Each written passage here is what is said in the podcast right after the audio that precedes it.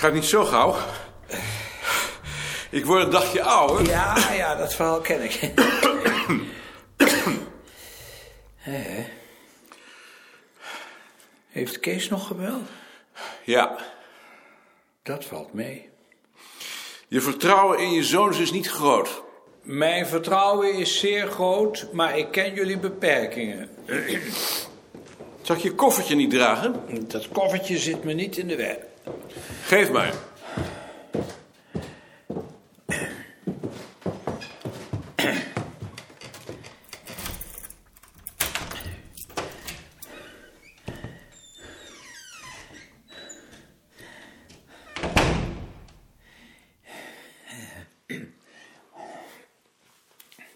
Waar heb je dat jasje gekocht? In de opruiming, waar is Nicolien? In de kamer. Dag vader. Ach, kind, zo, ja. Hè? Nou, nou. Dat viel niet mee. Wilt u een kop thee? Ik wil natuurlijk een kop thee.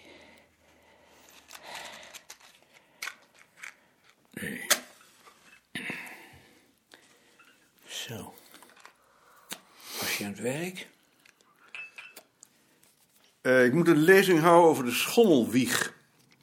Die zat ik te vertalen. Over de schommel weer? Ik dacht over de dorsvlegel. Alsjeblieft. Dank je, kind. Wil je ook een borrel? Ja, graag. Moet ik dat doen? Als je wilt. Eigenlijk over de trouwring, maar dit kwam er tussendoor. Goeie god. Die schommelwieg. Wat, wat kun je daar nou mee? Niet veel.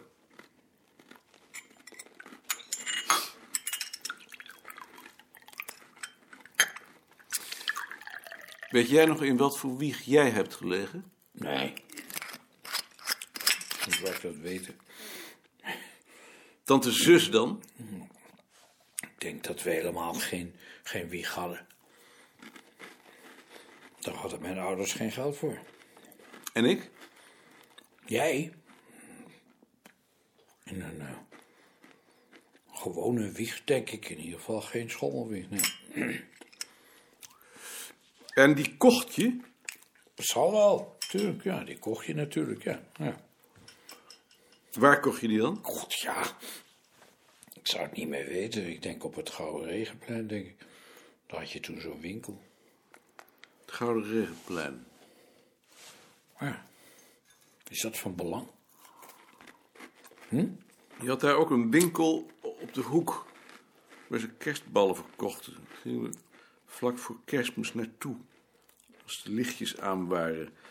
En dan mocht ik een kerstbal uitzoeken voor de boom. Dat herinner ik me niet. Nee.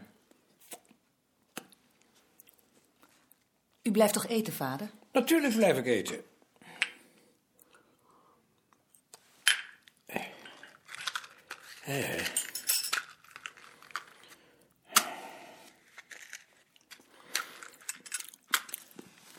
Weet jij wat jij moet doen?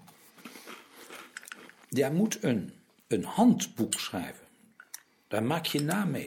Ik wil helemaal geen naam maken. Nonsens, iedereen wil naam maken. Gesteld al dat ik daar de stof voor heb. Ja, natuurlijk heb je stof. Je bent alleen lui. Net als je vader. Ja?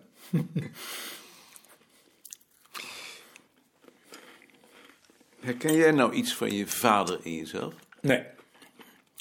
Grootvader, je grootvader was een idealist. Jij was vroeger toch ook een idealist? Nou, dat is dan wel heel lang geleden. En waarom is dat dan veranderd? Ja hoor, dat zijn, dat, wat zijn dat nou voor een vragen? Daar, daar kan toch geen zinnig mens een antwoord op geven. Kom nou. Dat interesseert me. Ja, nou, dat zal wel. Hey, je bent toch geen boeken voor mij aan het schrijven, wel? Waarom zou ik over jou een boek schrijven? Nou, ik weet niet. Omdat het tegenwoordig mode schijnt te zijn. Ik heb de pest aan de mode. Goed, dat is een hele geruststelling. Huh?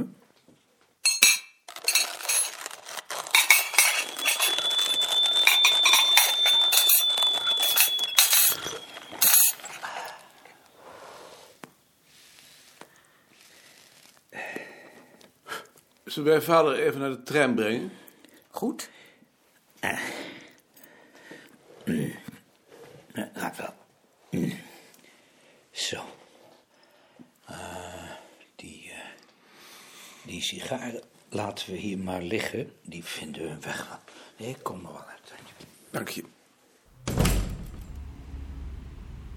Laatst stond er een reportage in het Vrije Volk over zo'n Surinaams gezin dat zo zonder ene cent regelrecht van Paramaribo naar de Bijlmer was gevlogen. En het enige wat ze bij zich hadden was een briefje met het adres van de sociale dienst. En wat schreven ze erover? Oh, dat het zo zielig was dat die mensen nog geen meubels hadden. Nou ja. Maar gelukkig zijn daar een aantal ingezonden brieven opgekomen. Onbegrijpelijk dat de regering daar niets aan doet. Wat zouden ze daar moeten doen? Gewoon visumplicht instellen. Tuurlijk. Als wij naar Suriname willen, dan moeten we ook een visum hebben. De NL gaat ervan uit dat het Nederlanders zijn. Kwatsch! Natuurlijk zijn het geen Nederlanders. Het enige waarvoor ze hier naartoe gekomen zijn, is de bijstand. Je zult nog eens zien wat een ellende dat straks geeft, want werken willen ze ook niet. Vinden ze vernederend. Tot recht standpunt. Ja, het interesseert me niet. Rechts of links, die tijd heb ik gehad. Ik denk ook dat Den Uil niet wil erkennen dat de mensen racistisch zijn. Het hoort niet, dus het kan. Natuurlijk zijn de mensen racistisch. Begrijp niet dat ze de bijstand niet in Suriname uitbetalen. Ja, dat is onzin natuurlijk. Waarom is dat onzin? Omdat je de economie daar dan kapot maakt. Ze moeten gewoon blijven waar ze zijn, hun eigen pultjes doppen. En als ze nou geen pultjes hebben? Dan moeten wij ze daarbij helpen. Maar dat is nog wat anders dan ze allemaal hier naartoe te halen. Daar help je niemand mee. Als we wat doorlopen, halen we nog net de trein. Ja, na deze trein komt er nog een. Ik heb geleerd dat je je nooit moet haasten. En zeker niet voor een trein. Zo.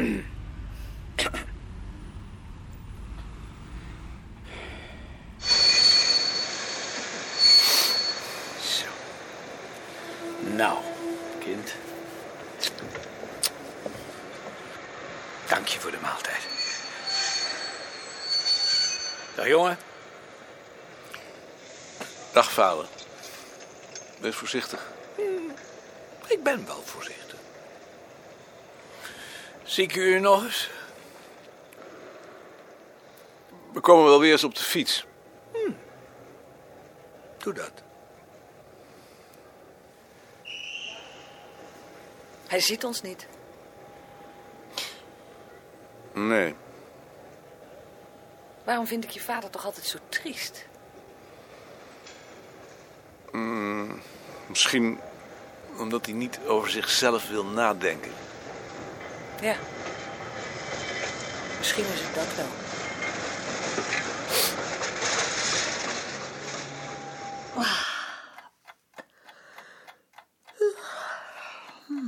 Dag.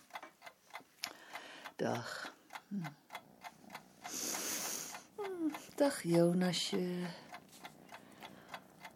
Hoe heb je geslapen? Goed.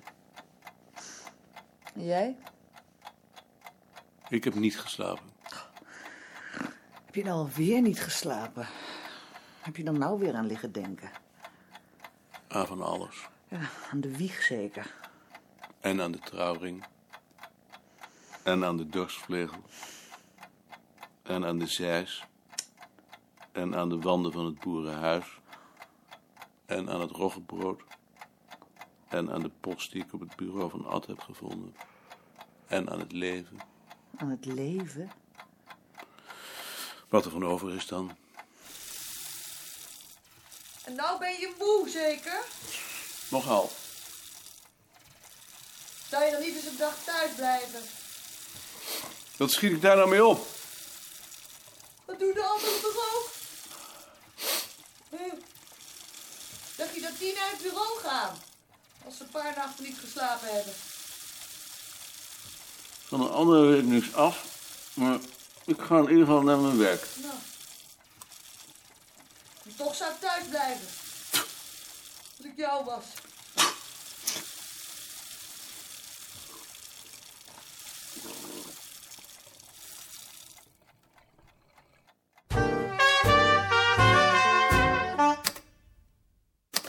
Tjitske heeft gisteren in de bibliotheek een boek met middeleeuwse randversieringen ontdekt.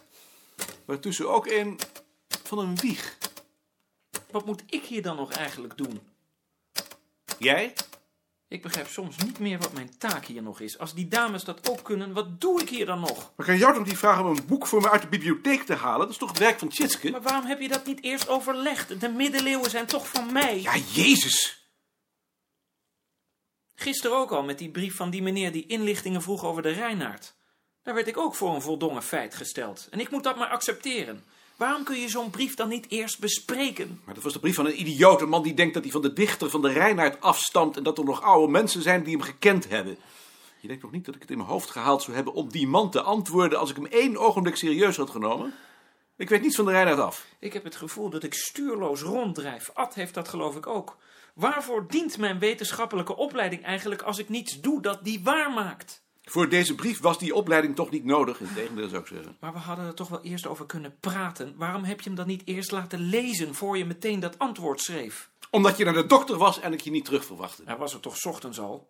Toen had ik nog niet de moed om hem te lezen. Bovendien, ik heb het antwoord laten liggen tot jij kwam. Ja, om het goed te laten keuren. Ja, maar als je hem afgekeurd had, was hij de prullenmand ingegaan. Dat begint donder kunnen schelen. En toch begrijp ik niet waarin wij nu van de dames verschillen. Dat verschil zul je dan toch zelf moeten aanbrengen. We stikken in de opdrachten. Toevallig zijn dat allemaal opdrachten waartoe jullie je niet voelen aangetrokken, omdat er verspreidingskaarten aan te pas komen. Dus doe ik ze. Maar dan moeten jullie zelf iets aanpakken.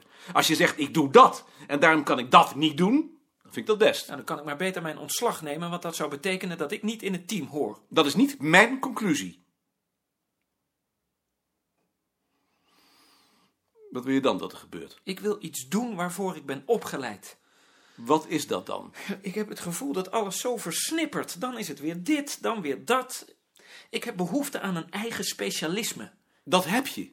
Dat zijn de middeleeuwen. Maar dat laat je Tjitske ook doen. Tjitske heeft iets voor me Ja, opgezocht. en wat doe ik dan?